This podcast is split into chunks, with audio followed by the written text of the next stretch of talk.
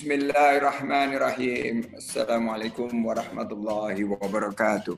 Waalaikumsalam Pak Sandiaga Uno. Pak Sandi, ini sebentar lagi kita menunggu Pak Rektor J. Ini masih. Oh baik baik. Matur nuwun J. J. Di sini sudah ada Bapak uh, Wakil Dekan 3, Bapak Sofiullah, kemudian Bapak Kaprodi uh, Manajemen Keuangan Syariah, Bapak Muhammad Yazid Afandi. Assalamualaikum Pak Sandi. Waalaikumsalam warahmatullahi Pak Yazid. Nah, ini juga ada Pak Dr. Darmawan. Alhamdulillah ini siap. Subhanallah. Dan tentunya ada Bapak moderator kita yang siang hari ini akan bertugas Bapak Abdul Qayyum. Bapak Abdul Qayyum luar biasa. Baik. Ini saya juga minta izin uh, Pak Sandi untuk mengikut sertakan beberapa tim teknis ini para millennials yang akan membantu untuk produce ke beberapa varian output dari webinar seri 07 ini. Ya. Luar biasa. Terima kasih milenial yang sudah bergabung. Ya, jadi Pak Sandi ini sambil menunggu, uh, tadi mungkin saya sudah sampaikan ke Pak Arifin ya, ini ada 739 pendaftar ya yang tercatat oleh kami. Ya, target kami 1000 Pak Sandi.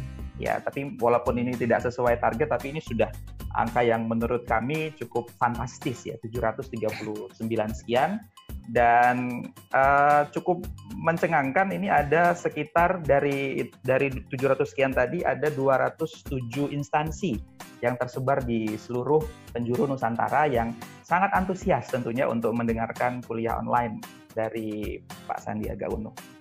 Kami selaku tim teknis sangat berbangga ya menjadi magnet ya untuk bisa bersama-sama mendengarkan kuliah pada siang hari ini.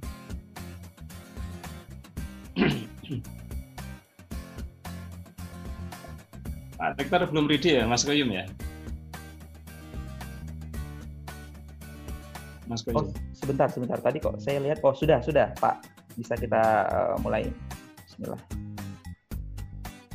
Sahiron. Oh, belum masuk. Ya, saya saya saya invite.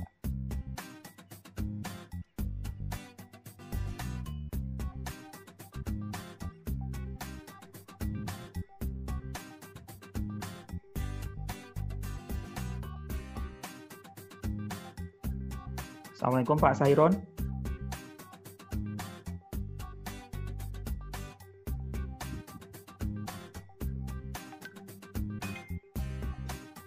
Waalaikumsalam Pak Yazid. Nah, Pak Sairan. Assalamualaikum Pak Sandiaga. Waalaikumsalam warahmatullahi wabarakatuh Pak Sairon. Ya, apa kabar Pak? Selama nggak jumpa. Alhamdulillah, alhamdulillah, mengucap syukur. Baik, uh, baik, baik, baik Pak Rektor dan pimpinan semua Pak Sandi, uh, kita mulai. Ini saya selaku host yang bertugas pada kesempatan kali ini. Mari kita awali webinar seri 07 uh, Prodi MKS PB UIN Sunan Kalijaga dengan membaca Umul Quran. A'udzubillahiminasyaitonirrajim. Bismillahirrahmanirrahim.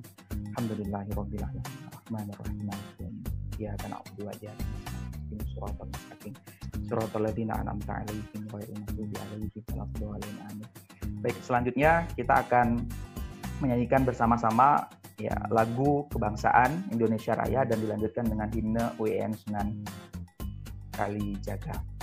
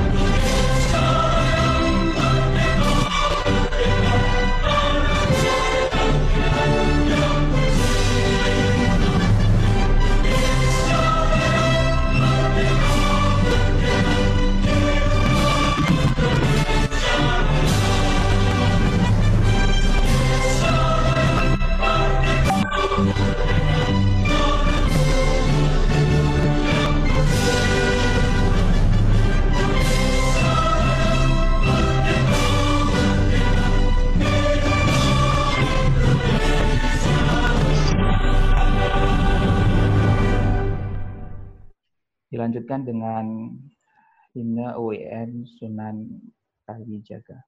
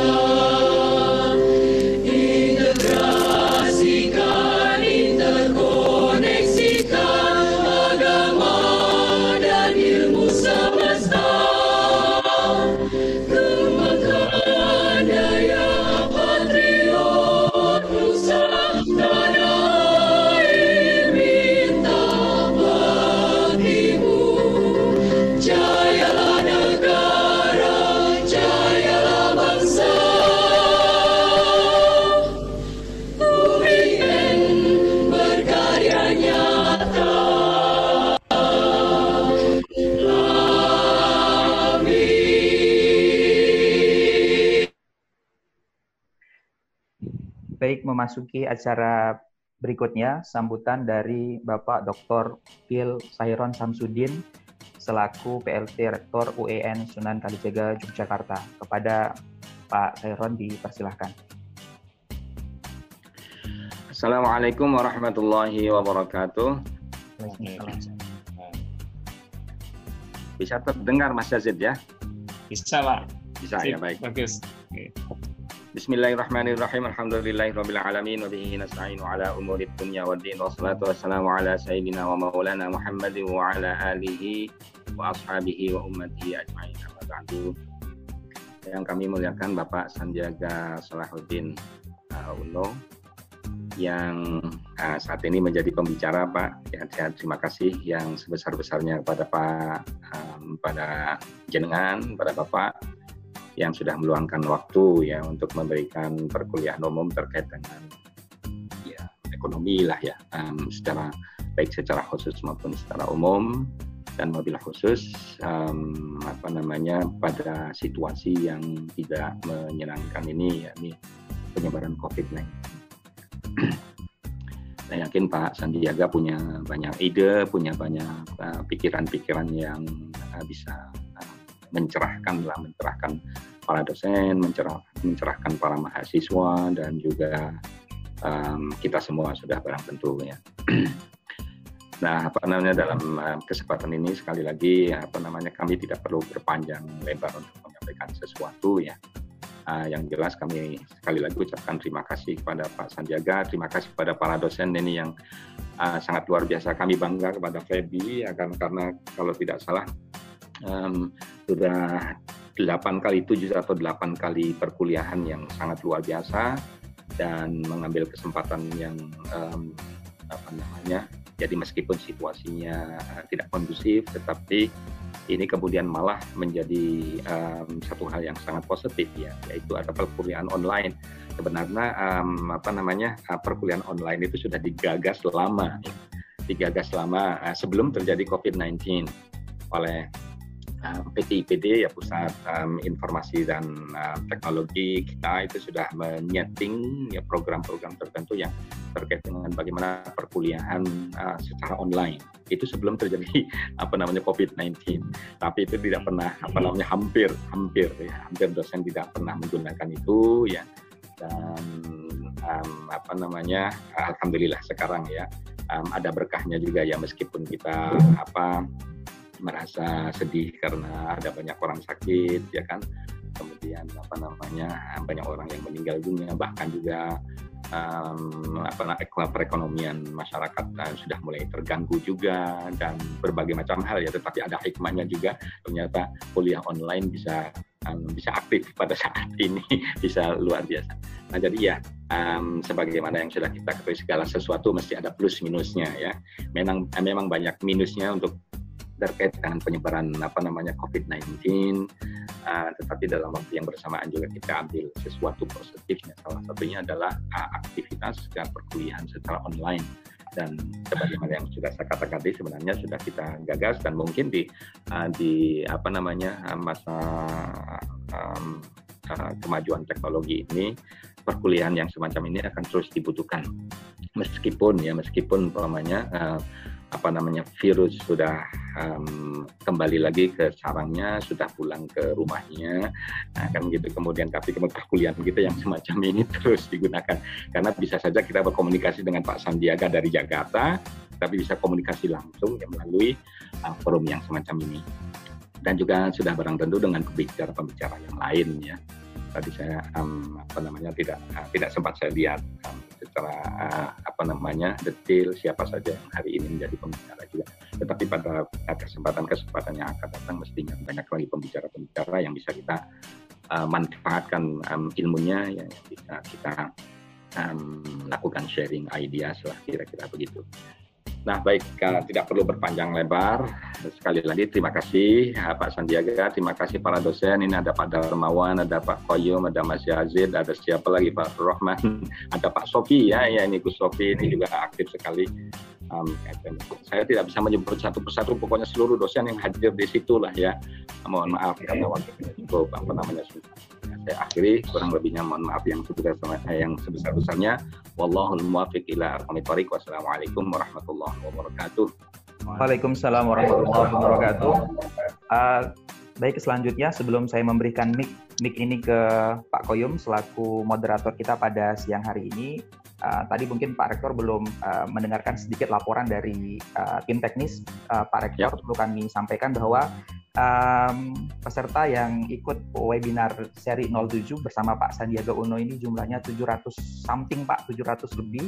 Jadi luar oh. biasa. Fans-fansnya yeah. Pak Sandi tidak bisa kami bendung Pak. Jadi luar biasa. Jadi sampai target target kita tadi 1000 Pak, tapi alhamdulillah ini 700 something ini sudah luar biasa dan dari 700 tersebut uh, ada 207 instansi yeah. dari Sabang sampai Merauke yang uh, ikut menghadiri uh, webinar seri 07 di PBI UIN Sunan Kalijaga Yogyakarta. Luar biasa, luar biasa. Ya. Selamat, selamat. Ya, mungkin itu Pak. Dan selanjutnya uh, waktu ya, makasih, makasih. saya berikan kepada uh, Gus Koyum untuk memandu diskusi kita pada siang hari ini. Silakan Gus Koyum. Oke, eh, terima kasih Mas Izara. Assalamualaikum warahmatullahi wabarakatuh.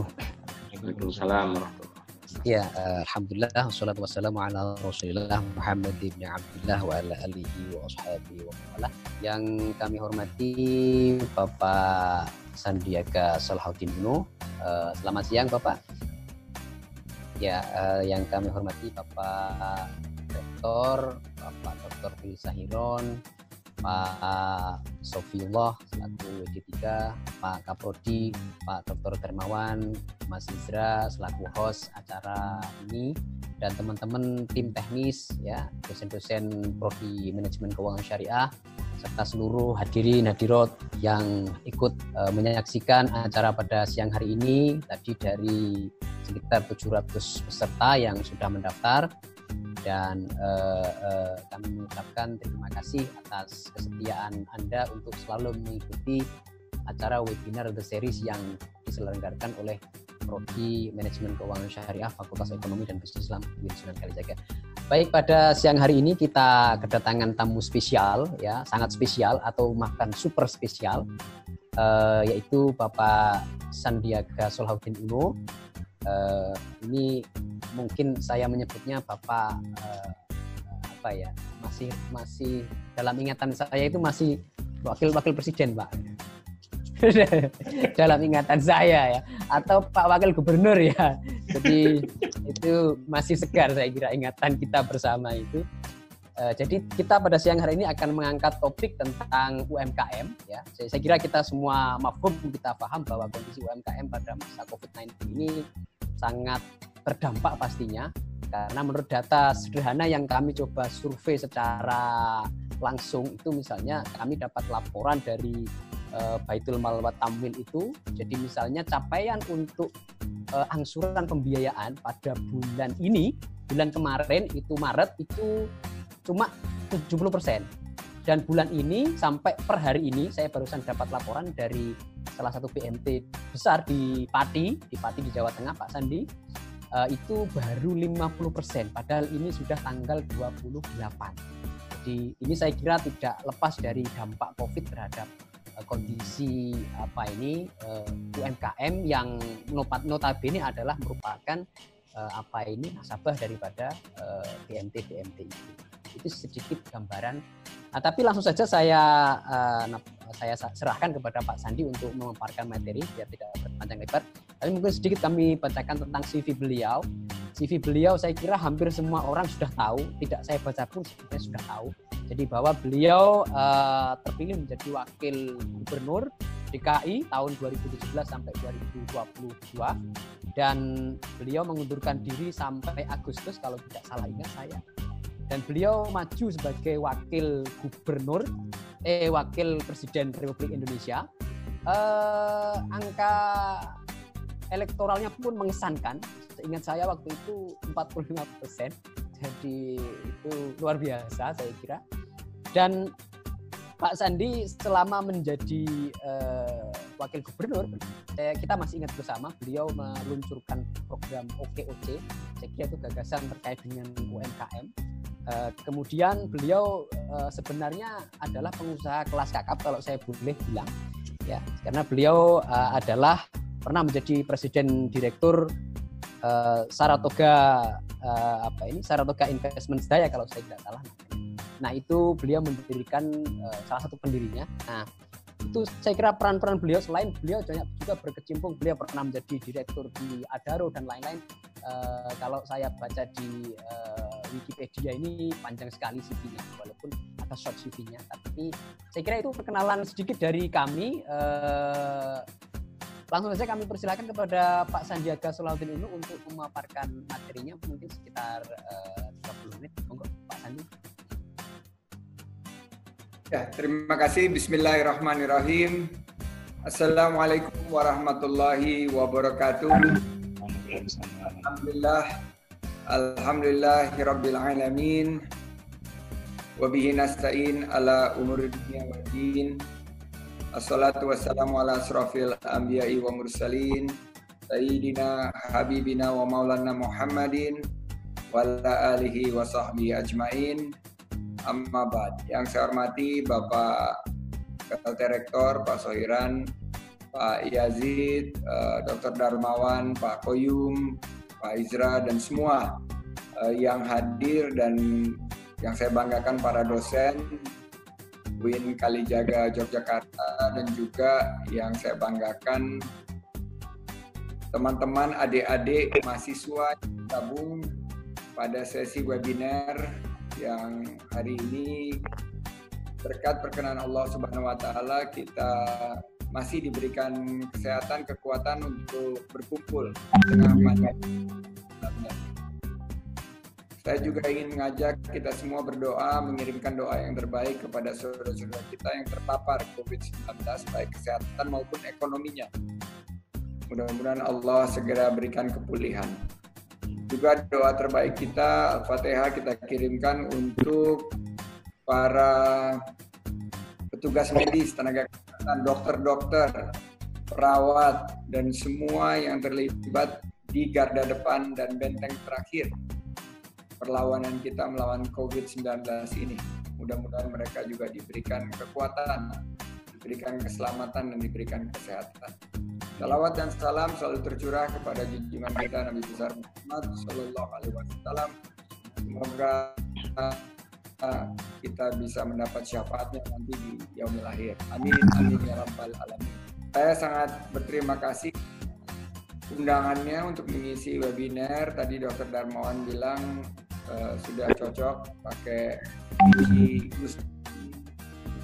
uh, peci sebetulnya peci ini dok Dr. Darmawan peci dari yang kita sebut sebagai kopiah keranjang ini diproduksi oleh UKM UKM di Sulawesi khususnya di tempat ayah saya lahir di Gorontalo uh, tapi sekarang sudah menjadi miliknya uh, warga Jawa Taman Nahdien banyak yang pakai ini jadi alhamdulillah ini mau, memacu pertumbuhan.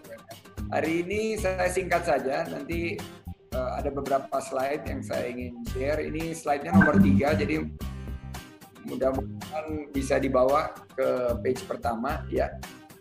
Oh ini ke belakang malah justru ke depan sedikit. Slide nomor satunya ini Iya, lagi satu lagi. Oke. Terima kasih hari ini kita melihat uh, saya namakan presentasi ini bagaimana kita menyiapkan satu senario saya sampaikan sebagai senario LUV dan itu gambarnya kalau di di slide pertama teman-teman milenial kontrol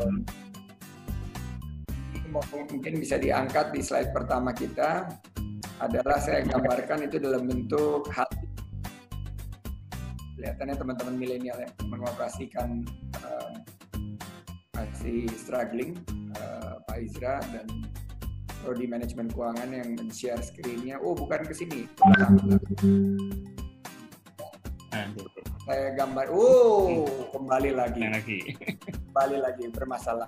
Oh, kembali lagi. Ya, ini adalah adaptasi dari new normal kita uh, prodi manajemen keuangan syariah ini kesulitan mengendalikan jalan-jalan sendiri. Wow, wow, jalan sendiri. Lompat lagi. ya, lompat-lompat. Ya, ini menarik sekali. Ini adalah adaptasi kepada new normal. Teman-teman 700 yang di belakang kelihatan teman-teman di prodi manajemen keuangan syariah juga harus beradaptasi dengan satu metode work from home yang lebih bisa me, bisa mengendalikan ini. Ini seperti kuda liar dia jalan-jalan sendiri. Uh, ini mungkin karena cabin fever ini, jalan-jalan sendiri. Wow. Tidak apa-apa kalau gitu kita kita tidak usah menggunakan slide, tapi tadi kira-kira slide yang tadi saya sampaikan adalah skenario LUV.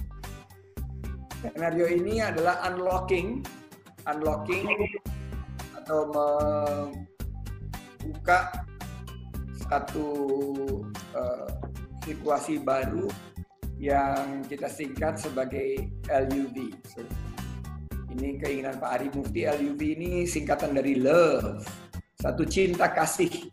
Bagaimana kita bisa membuka gembok membuka geranda kunci bagaimana kita lebih bisa mencintai bumi, mencintai bersama dan lain sebagainya. Nah, kedua, slide berikutnya saya ingin uh, bercerita keadaan ekonomi kita sekarang setelah diterpa badai. Memang kalau kita lihat di beberapa tahun terakhir ekonomi kita berkisar di angka 5%. Dan dalam cenderung tren yang menurun. Nah, sebelum coronavirus ini atau COVID-19 kita sudah mengantisipasi satu kelambatan dari pertumbuhan ekonomi kita parah oleh COVID-19. Tingkat inflasi juga walaupun terjaga, tapi kalau kita tanya ibu-ibu, emak-emak, saya banyak bertemu ibu-ibu emak-emak 2019 kemarin keliling Indonesia, satu hari kita bertemu dengan para ibu-ibu milenial. Mereka selalu kalau milenial mengeluhnya lapangan pekerjaan susah. Kalau emak-emak harga-harga. Kalau milenial selalu saya tanya nih kalau udah 700 nyari sekarang gampang atau susah? Susah. Susah atau susah banget? Susah banget. Nah, kalau ibu-ibu bagaimana harga-harga bahan pokok, harga makanan? Bagaimana turun atau naik? Naik. Harga listrik naik, semua naik. Nah, ini terpotret di tingkat inflasi kita. Bagaimana dengan uh, pertumbuhan di indeks penjualan retail yang menjadi andalan kita karena ekonomi kita mayoritas pertumbuhannya didukung oleh sisi konsumsi. Kalau kita lihat penjualan retail dan indeks keyakinan konsumer selama satu bulan dua bulan terakhir nyungsep nyungsep senyungsep nyungsepnya jadi kita lihat ini angkanya sudah di angka 113 dan minus 5,4 dari segi penjualan retail. Bagaimana dengan sisi supply-nya? Jadi tadi kita lihat uh, sisi demand, sekarang lihat sisi supply. Di kiri bawah, PMI Manufaktur Indonesia itu industri kita bisa melihat juga menukik tajam di 45,3. Survei kegiatan usaha khususnya di saldo bersih tertimbang juga ada di level negatif dan posisi cadangan devisa kita juga menurun kembali ke jauh dari yang kita harapkan. Nah, di slide berikutnya saya ingin mengingatkan kita, ya memang kita penuh ketidakpastian. Tapi kita harus melihatnya ini dengan sisi positif dan optimis. Karena Allah Subhanahu wa taala mengirimkan virus corona ini atau COVID-19 untuk memberikan peringatan kepada kita bahwa ini suatu ujian. Jadi di slide berikutnya, kalau tubuh kita ingin sehat, kita butuh vitamin. Kalau usaha, terutama UMKM kita ingin kuat, saya sampaikan kita butuh vitapreneur. Vitapreneur ini ada di slide berikutnya.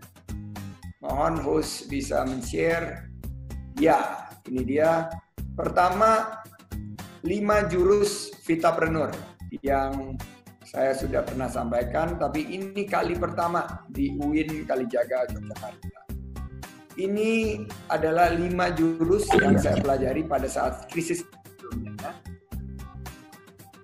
untuk menghadapi krisis bahwa pada saat ini UMKM dan dunia usaha harus langsung beralih ke konsep cash is king, pengelolaan dana kas yang sangat-sangat ketat dan sangat-sangat bijaksana.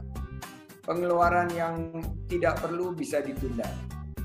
Penghematan di semua sektor harus kita lakukan.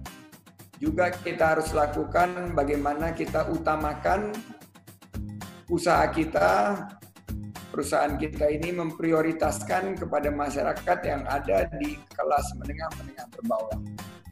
Sementara karyawan-karyawan kita kan terbagi di beberapa sektor. Ada sektor yang menengah ke atas itu mungkin bisa bertahan lebih lama, kita bisa menegosiasikan bagaimana mereka bisa memotong kompensasinya untuk dikhususkan perusahaan bisa bertahan tapi tetap membayar pada karyawan yang ada di strata ekonomi terbawah. Kedua adalah beradaptasi terhadap yang saya sebut sebagai new normal. Salah satu new normal ini adalah sebuah realita baru. Kuliah seperti ini adalah new normal. Yang saya sampaikan bahwa dunia pendidikan ratusan tahun belum pernah terdisrupsi kali ini dunia pendidikan terdisrupsi secara masif. Kalau banyak yang ngomong disrupsi sektor transportasi, disrupsi sektor komunikasi, disrupsi sektor informasi. Sudah terjadi dengan transportasi online, dengan sosial media, mungkin dengan e-commerce dan lain sebagainya. Tapi pendidikan ini tetap aja masih sama bahwa para mahasiswa bangun tidur Ku terus mandi. Habis mandi siap-siap kuliah. Dari kuliah masuk kelas. Kelas dapat pendidikan dalam metode classroom atau yang paling agak lebih mendingan pakai sistem town hall atau U-shape. Nah sekarang ini terdisrupsi bahwa dunia pendidikan tidak boleh physical meeting, tapi harus melalui online meeting. Nah, ini yang saya sebut sebagai new normal. Apalagi new normal? New normal ke depan adalah masyarakat akan memakai masker seperti ini. Ini adalah new normal. Kalau kita dulu pakai ini, pasti hanya orang sakit saja. New normal, dan ini adalah satu kenyataan, adalah akan timbullah usaha-usaha baru yang bergerak di alat pelindung diri karena kesehatan akan sangat menjadi prioritas masyarakat setelah COVID-19. Bukan hanya yang model seperti ini, model juga model combat. Nah, ini model combat. Nah, ini model combat. Ada seperti ini. Ini juga adalah new normal. Ada juga yang batik. Ah, batik ada. Ini batik ini adalah usaha-usaha yang akan tumbuh berkembang karena diprediksi bahwa social physical distancing walaupun insya Allah corona ini bulan Juli sudah kembali lagi uh, ke taraf yang rendah dan kita bisa hidup normal tapi kenyataan ke depan new normal atau realita baru orang akan sangat peduli terhadap kesehatannya dan kegiatan-kegiatan ini sudah saya sampaikan pada saat Pilpres tahun lalu, Pak Koyum. Kalau Pak Koyum mengingat-ingatkan saya terhadap Pilpres, saya sendiri sudah lupa, tapi Pak Koyum dan luka-luka lama lagi, sakitnya di sini. Tapi eh, bagi saya, dulu saya sudah angkat bahwa investasi kita di sistem kesehatan kita, di sistem kesehatan yang promotif preventif itu kurang. Kita jarang sekali dorong masyarakat untuk hidup sehat, bergaya hidup sehat, makan yang bernutrisi, makan yang meningkatkan imunitas, konsumsi jamu, konsumsi vitamin, maupun olahraga yang rutin. Itu belum sekali dijalankan dan sekarang semua terkaget-kaget bahwa badan kita sangat rentan terhadap COVID-19. Itu adalah new normal. Apalagi new normal? New normal bahwa usaha-usaha yang bergerak di teknologi dan digital akan sangat berkembang ke depan. Saya melihat hubungan internet saya ini kurang baik, masih agak putus-putus di berbagai tempat juga. Berarti new normal pemerintah harus invest, dunia usaha harus invest, dan masyarakat harus invest untuk bisa melakukan kegiatan dari rumah dengan konsep work from home berarti webcam itu diperlukan. Sekarang webcam habis, speaker habis, mikrofon habis. Tadi lagu Indonesia Raya diputar dan kita harus berdiri, itu juga new normal. Ada juga Mars Uwin Kalijaga, kita banyak yang masih duduk. Padahal kalau dalam lagu Indonesia Raya kita dalam uh, berkumpul new normal itu kita harus berdiri.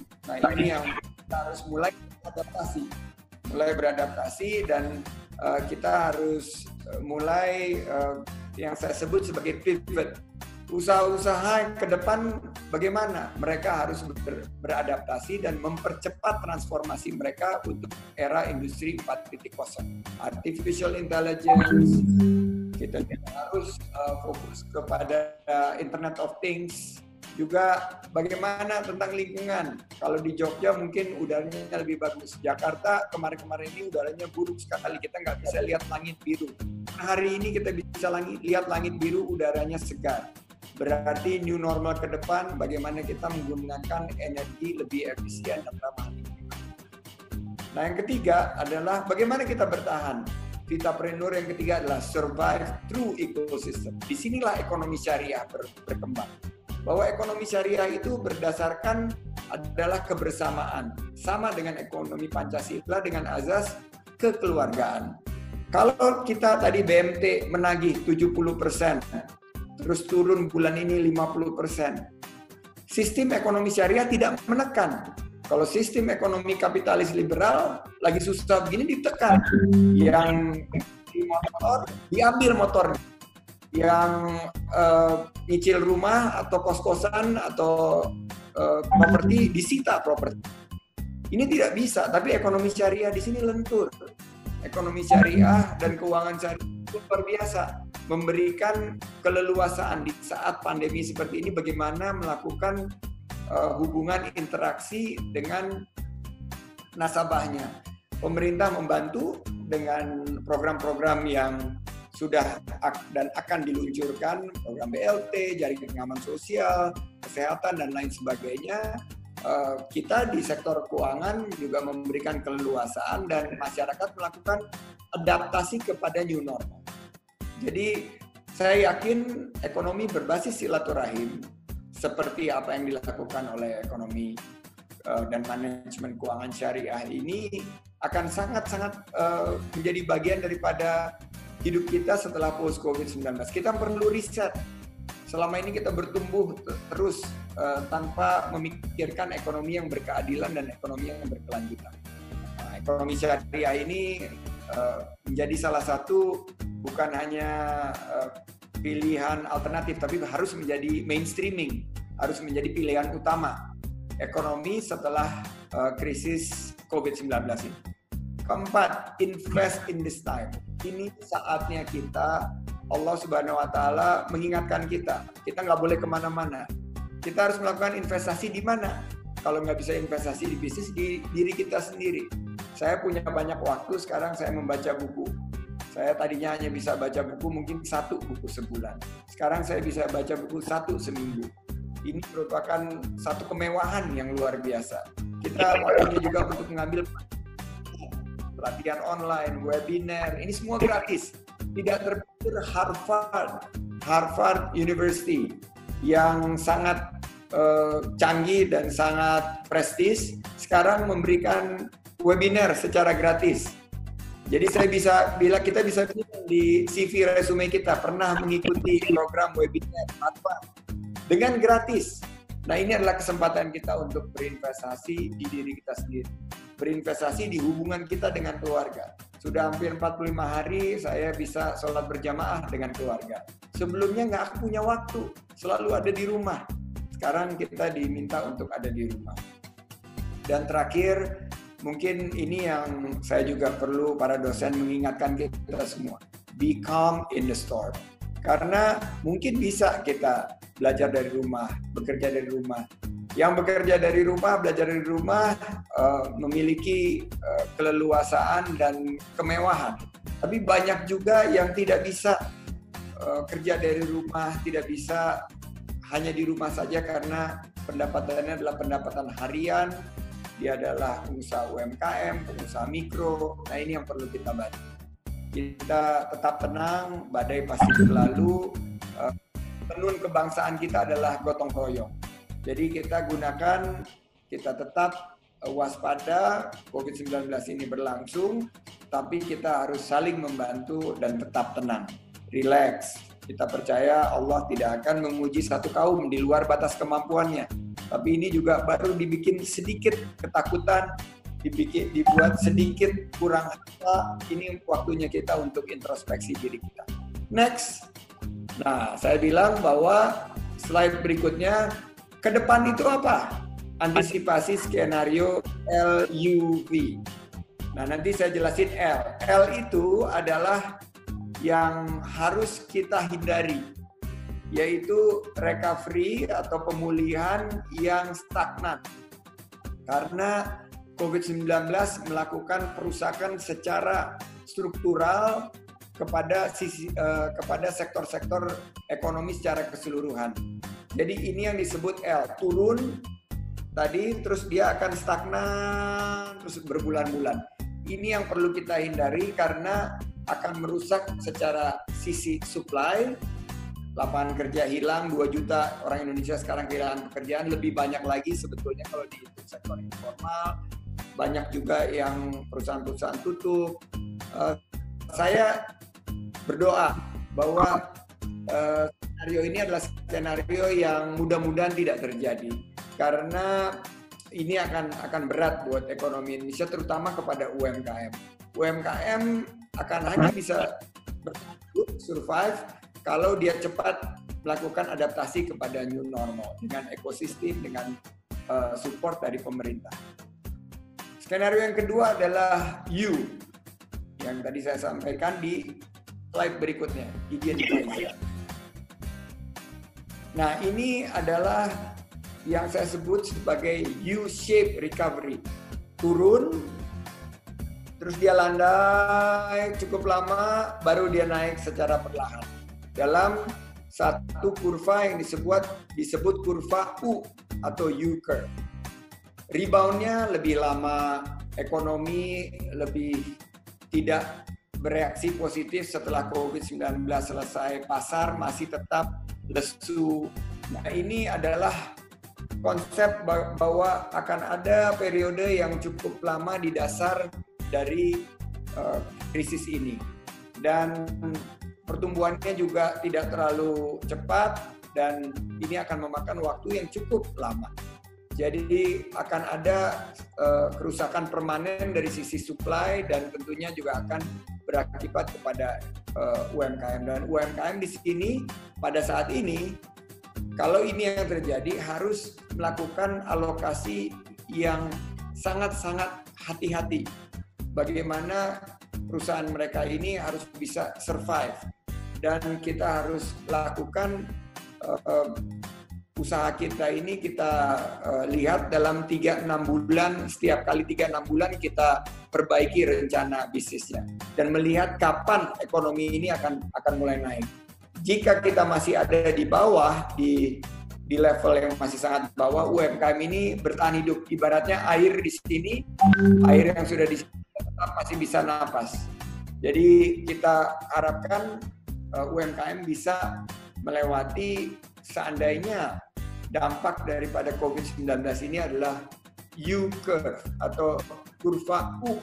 Jadi UMKM di sini harus punya kemampuan untuk beradaptasi, kemampuan untuk mendapatkan likuiditas dan solvabilitas. Ini bantuan daripada manajemen keuangan syariah juga BNT, BMT, lembaga keuangan mikro syariah, bank-bank syariah memberikan bantuan khususnya juga paket-paket yang sudah disampaikan oleh pemerintah.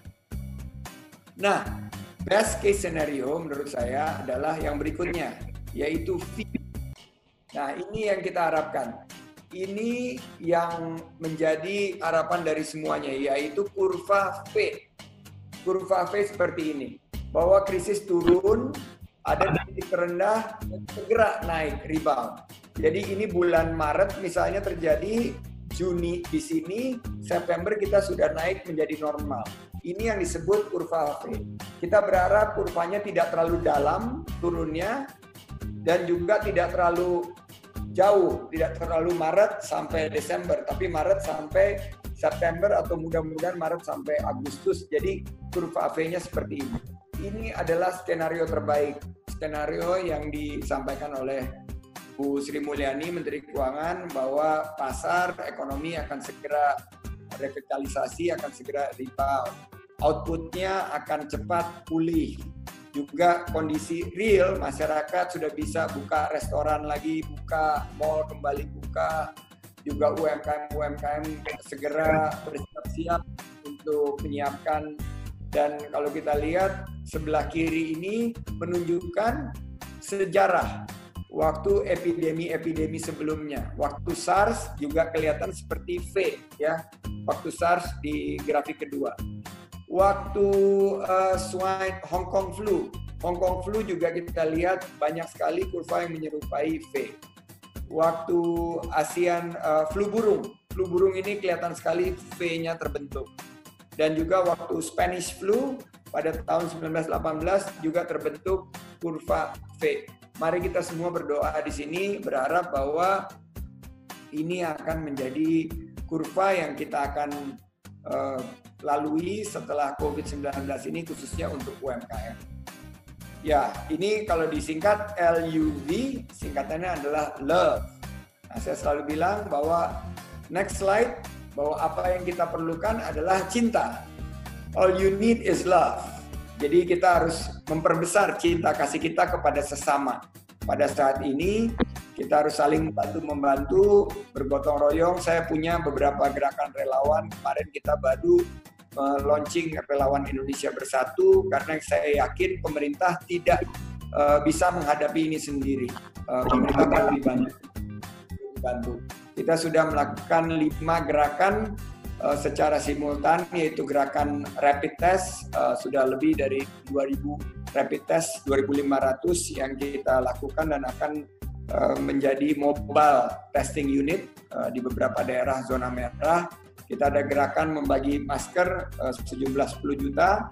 Nanti mohon teman-teman juga di UIN Kalijaga ikut berpartisipasi.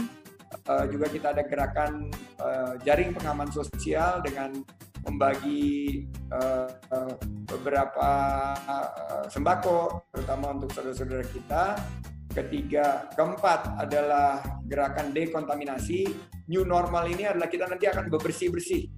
Cairan disinfektan, sanitizer, hand sanitizer, kita akan banyak mencuci tangan kita. Itu adalah bagian daripada new normal. Dan kelima adalah sosialisasi dan edukasi terhadap dampak COVID-19 ini. Terakhir slide-nya saya ingin mengingatkan Pak Rektor, Pak Yazid, uh, Gus Koyum juga, semua ya, uh, untuk tetap berolahraga. Di rumah saja bukan berarti kita olahraganya hanya di kamar. Kita olahraga tetap harus kita lakukan. Cari sinar matahari karena meningkatkan imunitas tubuh adalah bagian daripada kita melawan COVID-19. Saya masih rutin berolahraga 30 menit per hari kalau dikasih sama Bima. Tapi saya ingin uh, menginspirasi ke masyarakat semua tetap berolahraga, tetap kita bergerak. Bukan artinya kita di rumah terus jadi uh, hanya makan tidur makan tidur.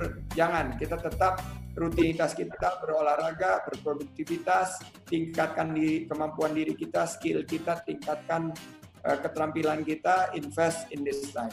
Demikian yang ingin saya sampaikan. Wallahul muwafiq ila aqwamit thoriq. Assalamualaikum warahmatullahi wabarakatuh. Waalaikumsalam warahmatullahi wabarakatuh. Ya, matur suwun uh, Pak Sandi presentasi yang sangat inspiratif sekali karena beliau memaparkan satu konsep yang sangat luar biasa love ya love itu ternyata filosofinya sangat dalam sekali dan itu sangat relevan dalam konteks bagaimana kita menghadapi COVID-19 uh, COVID-19 ini. Nah, uh, baik uh, mungkin uh, kami persilahkan kepada para hadirin untuk uh, apa ini untuk bertanya, monggo. Nah, baik uh, ada beberapa pertanyaan Pak Sandi yang akan kami ringkas ya. Uh, Pak Izra, mohon maaf, ini nanti bertanya live atau seperti apa? Um, mungkin karena efisiensi waktu mungkin ini Gus karena juga banyak pertanyaan yang uh, anonimus ya. Jadi mungkin bisa dibantu sama moderator aja. Seperti Oh gitu. Oke, baik. Uh, pertanyaan pertama, uh, ini saya kira pertanyaan yang mendasar uh, Pak Sandi. Jadi uh, dan saya yakin Pak Sandi sudah lama memperhatikan ini. Jadi tadi di, ada pertanyaan, tadi di slide itu ada per, per, data pertumbuhan ekonomi Indonesia kan yang terus menurun tahun sejak 2015 sampai 2019. Nah, uh, pertanyaannya kira-kira begini itu kira-kira kenapa Pak Sandi kok bisa se, se kok trennya terus turun itu? Yang pertama, yang kedua kira-kira uh, kondisi ini pada masa COVID ini akan seperti apa pertumbuhan ekonomi yang semakin turun itu kira-kira? Itu pertanyaan pertama. Uh, monggo Pak Sandi mungkin langsung ditanggapi Mawon biar cepat ya.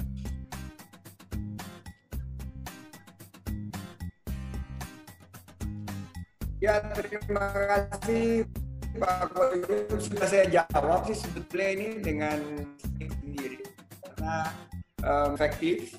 Uh, jadi pertanyaan mohon ditulis Jadi Pak Arif Setiawan ini sudah menulis um, ya kenapa kita ekonomi kita turun terus dan ada daily fokus kita terlalu uh, terlalu banyak, terlalu melebar. Saya waktu pilpres kemarin menyampaikan mestinya fokus kita itu di UMKM. Kenapa UMKM? Karena UMKM itu pencipta 97% lapangan kerja kita. 60% ekonomi kita itu dari sektor UMKM. Sektor-sektor industri besar, pemerintah dan lain sebagainya itu kalah dibanding UMKM. Kalau kita fokus di UMKM dan mem- me- memprioritaskan bagaimana mereka naik dari mikro menjadi kecil, kecil menjadi menengah, menengah menjadi besar, pertumbuhan kita akan kuat. Ekonomi kita akan memiliki struktur yang robust. Nah, saya yakin juga kita mestinya memberikan perhatian lebih kepada industri pengolahan. Industri yang banyak menciptakan lapangan kerja dan menciptakan nilai tambah. Nah kemarin ini empat tahun terakhir mungkin fokus kita di infrastruktur. Gak apa-apa, kita jangan saling menyalahkan itu sudah terjadi. Infrastruktur itu tidak menciptakan lapangan kerja secara berkelanjutan. Karena setelah jadi infrastrukturnya, um, lapangan kerja itu akan hilang. Itu biasanya hanya digunakan sebagai interkoneksi. Nah kalau industri pengolahan UMKM-nya tidak dibangun, akhirnya infrastruktur itu tidak optimal.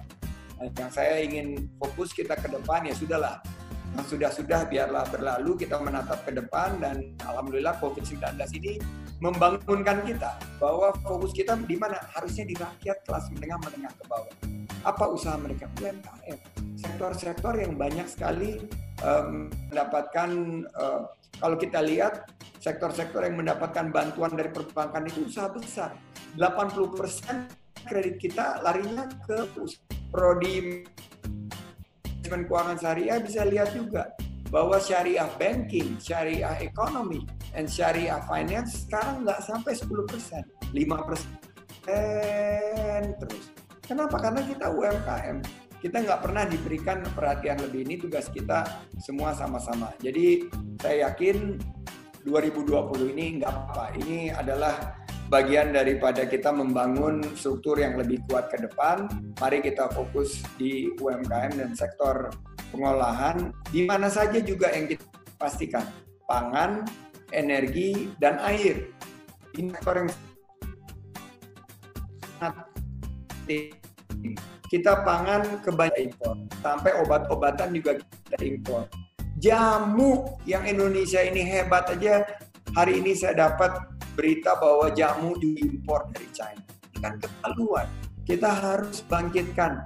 Uh, Bapak Presiden sudah menunjukkan minum uh, setiap hari meningkatkan imunitas. Ya, mestinya industri jamu kita, temulawak, uh, kunyit, uh, dan jamu-jamu lainnya saya punya produk-produk seperti jamu Kojima, itu korma, jinten, dan madu. Itu khas uh, Indonesia.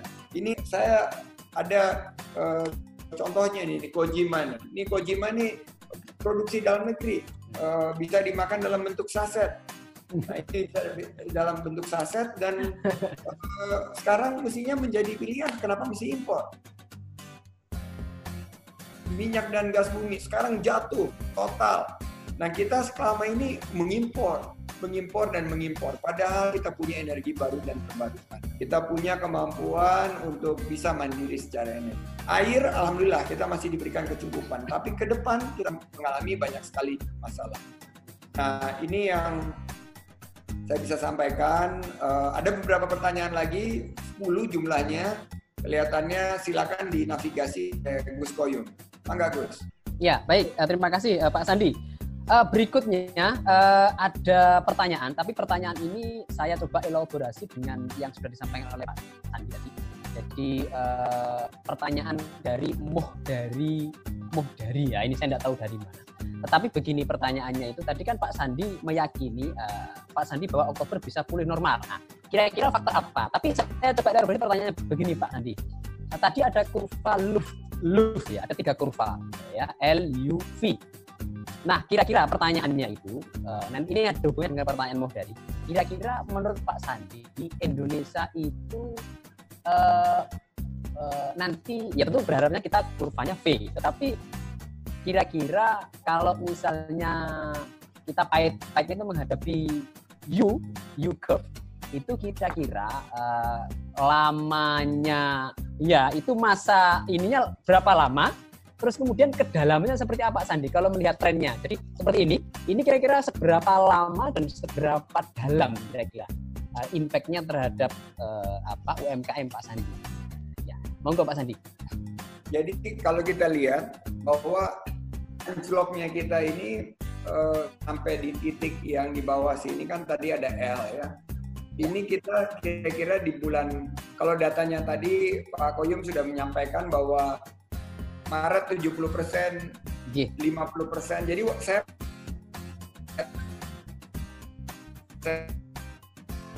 sangat menggunakan data-data itu sebagai masukan dan memakai data anekdotal yang sudah disampaikan oleh Pak Koyum. Saya ketemu juga dengan Ibu Hikmah, penjual eh, salah seorang pedagang pengrajin bunga di Pasar Rawabelong, Jakarta ini menyatakan bahwa habis semua tidak ada eh, pemasukan sama sekali karena event tidak ada, tidak ada perkawinan, tidak ada eh, tidak ada wisuda, tidak ada acara-acara eh, seperti eh, yang bisa membangkitkan ekonomi. Nah, kenapa saya bilang saya berharap eh, kalau misalnya seandainya eh, kurvanya ini adalah kurva U, ini kita ada di bulan April, ada di titik terendah di sini. Jadi ini akan berlangsung sampai bulan mungkin kalau kita lihat ada recovery dan pemerintah mampu menghadirkan kebijakan yang memompa masyarakat, memompa konsumsi yang ada di masyarakat dengan BLT. Eh, Kartu-kartu tadi ada pertanyaan eh, yang kehilangan pekerjaan bagaimana? Daftar kartu prakerja segera. Banyak kontroversi terhadap kartu prakerja, saya bilang singkirkan dulu. Yang penting kartu prakerja itu porsi pelatihannya dibuat sekecil mungkin. Yang paling besar mungkin 80% 80% lebih porsinya itu adalah dana tunai yang diberikan kepada masyarakat. Nah, kalau masyarakat memiliki dana tunai, mereka mampu untuk tetap berkonsumsi. Nah, ini biasanya akan memakan waktu antara 3 sampai 6 bulan. Kalau dari April, 6 bulan dari April adalah Oktober. Makanya ini yang saya harapkan Oktober yang naik. Tapi kalau begini bentuknya, begini bentuknya, ini adalah yang terbaik, yaitu kurva V. Di mana kita turun, kita sekarang April ini ada di bawah, kita langsung naik. Harapan kita September dalam untuk tiga bulan ini kita sudah ada di titik sama seperti sebelum kita jatuh yaitu di bulan Januari. Nah ini eh, satu pendekatan yang kita lakukan melalui eh, analisa teknis, technical analysis maupun juga eh, analisa-analisa yang menggunakan modeling dari yang uh, krisis pandemi sebelumnya. Tapi ya, wallahu alam bisawab, ini Allah yang nentuin semua.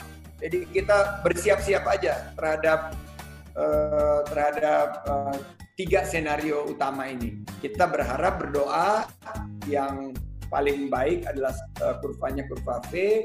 Ya kita tetap bersiap-siap kepada uh, kepada kemungkinan ter terburuk yaitu kurva L. Ya, baik. Terima kasih Pak Sandi.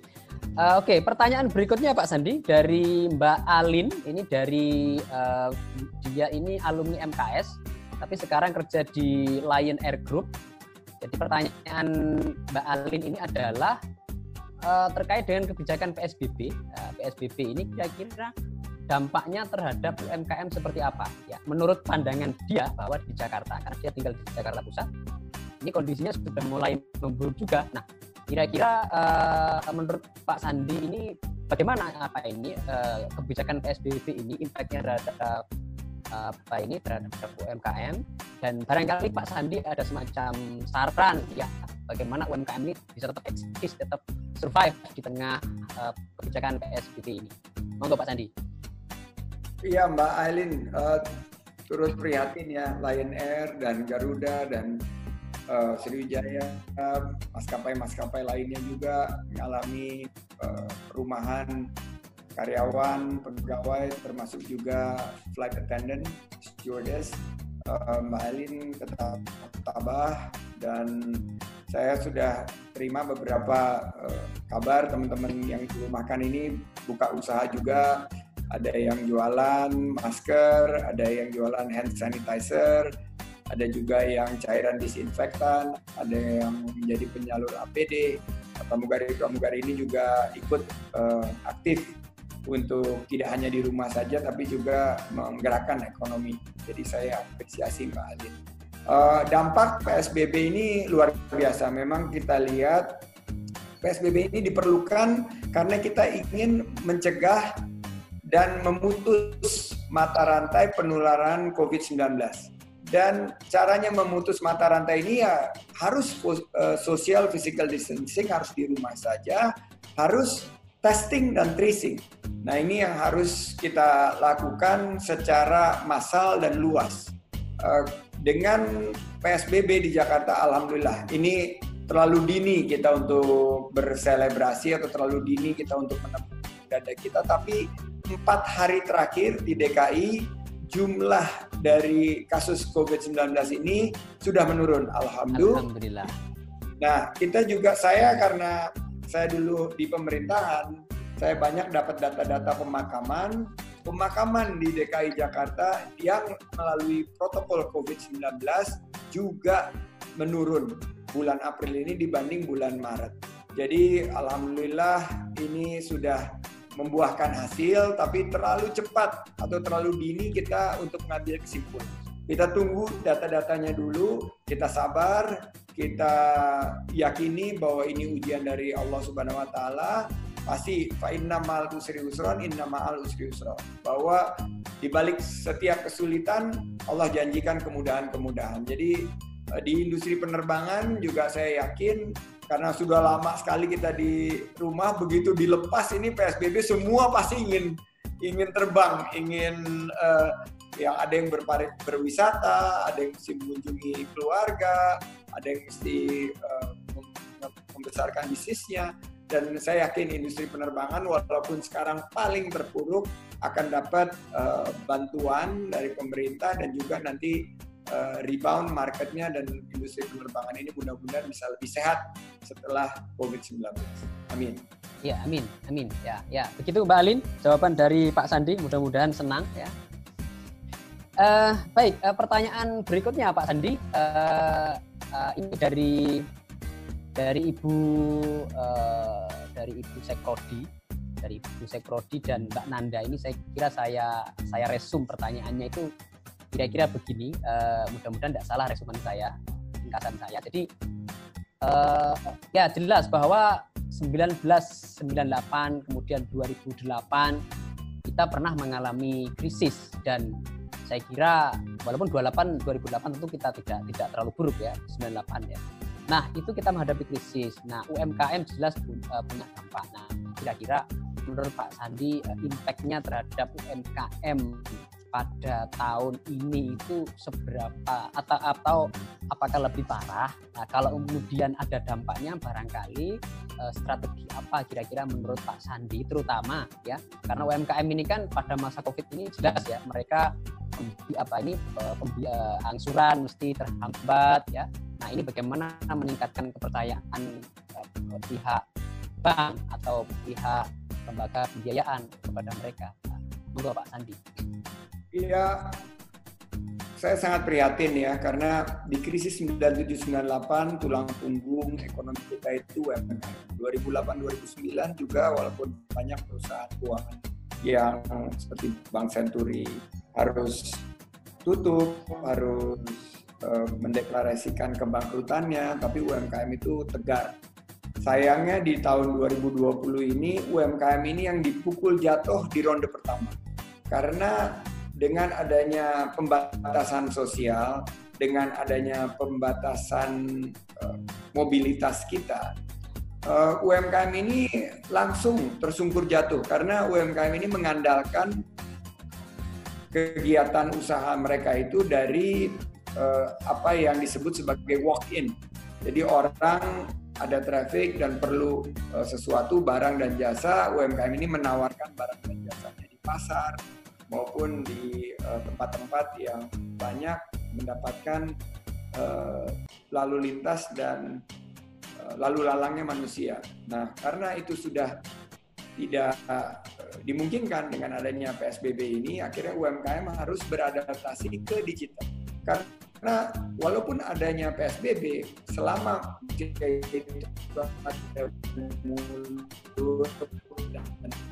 perlu pasti pasti dengan digitalisasi. Makanya UMKM ini di program OKOC yang kami kembangkan laku. Sekarang UMKM ini lagi belajar bagaimana jualan online. Tapi bukan hanya jualan online aja, bagaimana delivery-nya juga online, bagaimana juga uh, marketingnya juga online, bagaimana fulfillmentnya juga online. Saya juga melihat um, bahwa selain daripada UMKM ini harus diberikan pelatihan, UMKM ini harus kita juga berikan pendampingan. Demikian Oke. Pak Oyo. Oke. Baik, terima kasih. Pertanyaan terakhir Pak Sandi, karena sudah jam 14.10. Mungkin Pak Sandi punya agenda lain ya. Jadi pertanyaan betul, betul, terakhir. Ada lain. Betul. Ya. Pertanyaan terakhir, uh, begini. Uh, Bagaimana pandangan Pak Sandi terkait dengan kebijakan yang sudah diambil oleh pemerintah menangani UMKM ya. Ini menurut Pak Sandi seperti apa? Dan apakah pertanyaan kedua saya, apakah program OKOC itu pas kita replikasi secara nasional utamanya dalam konteks adanya disruption yang disebabkan oleh COVID-19 untuk Pak Sandi. Terakhir pertanyaan terakhir saya sekarang berada di luar pemerintahan dan saya baru saja mendeklarasi bahwa melawan COVID-19 ini kita jangan hambur-hamburkan energi kita untuk saling berdebat, saling terpecah belah. Pemerintah sudah mengambil langkah PSBB, pemerintah sudah mengambil langkah kedaruratan, kedaruratan kesehatan masyarakat, pemerintah sudah mengambil langkah perpu Perpu uh, nomor 1 tahun 2020 dengan total paket sudah lebih dari 400 triliun. 150 diarahkan ke teman-teman uh, yang di jaring pengaman sosial. 75 triliun ke sektor kesehatan. Uh, selebihnya untuk uh, restrukturisasi sektor UMKM dan juga bagaimana memastikan penciptaan lapangan kerja terutama di sektor pariwisata, di sektor uh, yang sangat terdampak. Nah, saya melihat bahwa langkah-langkah pemerintah sudah ada di rel yang tepat. Namun, kecepatannya ini harus dibantu. Saya sudah menyampaikan bahwa sebelum bulan suci Ramadan, paket BLT, paket dana yang ditransfer melalui program Keluarga Harapan, program Bansos, maupun program-program yang kemarin sempat uh, cukup uh, seru pembicaraannya prakerja itu harus digelontorkan secepatnya karena dengan begitu efektivitasnya akan jauh lebih cepat terasa. Uh, jumlahnya kita bisa nanti diskusikan di lain kesempatan, tapi kita tunggu data-data terakhir terhadap penanganan COVID karena paket ekonomi ini akan sangat memiliki satu konektivitas dengan uh, penanganan kesehatannya. Jadi kesehatan ini akan mempengaruhi penanganan ekonomi. Semakin cepat penanganan kesehatan ini dilakukan, akan semakin cepat juga dan semakin kecil paket ekonomi yang dibutuhkan. Jadi memang itu yang harusnya menjadi fokus kita. Kita mungkin bilang apakah 400 triliun cukup atau perlu ditambah. Malaysia sudah nambah begitu banyak Amerika, Jepang, tapi kan Indonesia lain. Kita punya satu sifat gotong royong. Tenun kebangsaan kita ini ya, ya sangat rukun, guyup, saling bantu tetangga. Itu yang tidak dimiliki oleh banyak eh, komunitas-komunitas lain. Jadi uh, kita jangan pukul rata apa yang sudah digelontorkan karena kalau kita akhirnya nanti melakukan pinjaman kembali pinjaman uh, kepada luar negeri maupun kita mencetak uang karena ini ada kemungkinan kita juga mencetak uang uh, yang akan bayar nanti anak cucu kita. Jadi jangan sampai juga nanti kalau punya paket, paketnya ini akhirnya ada penumpang gelap. Karena setiap ada paket rescue pasti ada penumpang gelap. Waktu BLBI tahun 98 ada penumpang gelap. Waktu 2008-2009 kita lihat kasus Senturi menjadi uh, kasus hukum dan ada penumpang gelap dan sudah diproses secara hukum. Nah ini yang menurut saya kita harus hati-hati, kita utamakan kepentingan rakyat, kita utamakan kepentingan uh, usaha mikro, kecil, dan insya Allah COVID-19 ini akan uh, mampu untuk uh, justru menjadi satu titik balik dari pembangunan kita yang lebih baik, sejahtera, Indonesia yang adil dan makmur. Demikian Gus Koyum. Ya, terima kasih Pak Sandi. Uh, baik, saya kira uh, diskusi pada siang hari ini cukup, sangat menarik. Tapi uh, ada satu apa ya saya tidak akan menyimpulkan tetapi saya kira sebagai moderator kesimpulan saya justru malah di akhir tadi ketika Pak Sandiaga mengatakan bahwa pada masa COVID-19 ini kita jangan menghambur-hamburkan energi untuk saling menyalahkan yang dilakukan oleh pemerintah sudah sangat tepat cuma memang kecepatannya harus diperbaiki dan juga jangan sampai ada penumpang gelap dari program-program yang sudah dicanangkan. Itu kesimpulan yang dapat kami sampaikan kepada hadirin sekalian. Matur suwun Pak Sandi. Saya Matur persilakan Pak Sandi untuk memberikan closing satu menit. Monggo Pak Sandi. Ya, terima kasih kepada seluruh sivitas akademika UIN Kalijaga Yogyakarta. Matur nuwun sangat nggih atas uh, undangannya. Saya sangat bangga, berbahagia bersama dengan 700 lebih anak-anak online di seluruh uh, bukan hanya di Jogja ya ternyata ada juga di Jakarta tetaplah kita optimis karena jika kita optimis dan pola pemikiran kita adalah husnuzon bukan suuzon uh, kita juga meningkatkan imunitas kita ternyata hasil riset dari uh, para ahli menyatakan bahwa kalau kita memiliki sifat yang optimis dan kita kurasi informasi-informasi yang masuk ke dalam sistem kita hanya informasi-informasi yang valid, transparan, yang bermanfaat, bukan saling menjatuhkan. Informasi-informasi ini ikut memberikan satu klarifikasi terhadap isunya. Justru informasi ini akan mempersatukan kita. Dan pada saat krisis kini, krisis yang kita hadapi ini, kita harus tetap bersatu padu dengan semangat optimisme. Percayalah, insya Allah Indonesia akan menang melawan COVID-19. Sukses! Sekali lagi, wallahul muwafiq ila bila walidayah. Wassalamualaikum warahmatullahi wabarakatuh. Waalaikumsalam warahmatullahi wabarakatuh. Matur suwun Pak Sandi, mudah-mudahan sukses lancar seluruh visi dan misinya ke depan, semakin sukses uh, untuk membawa Indonesia lebih baik. Matur suwun uh, kepada teman-teman sekalian, saya selaku moderator pada siang hari ini menyampaikan terima kasih yang sebesar-besarnya atas partisipasi seluruh peserta ya, pada siang hari ini. Kami sebagai moderator mohon maaf atas segala kekurangan. Kami kembalikan kepada Mas Host, Mas Izra sebagai moderator saya menyampaikan uh, terima kasih. Sekian. Assalamualaikum warahmatullahi wabarakatuh.